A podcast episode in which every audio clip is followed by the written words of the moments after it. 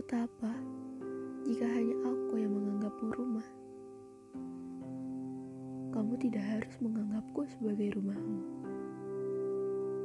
Aku hanya ingin menjadi tempatmu berkeluh kesah, ataupun menjadi tempatmu untuk melampiaskan emosi.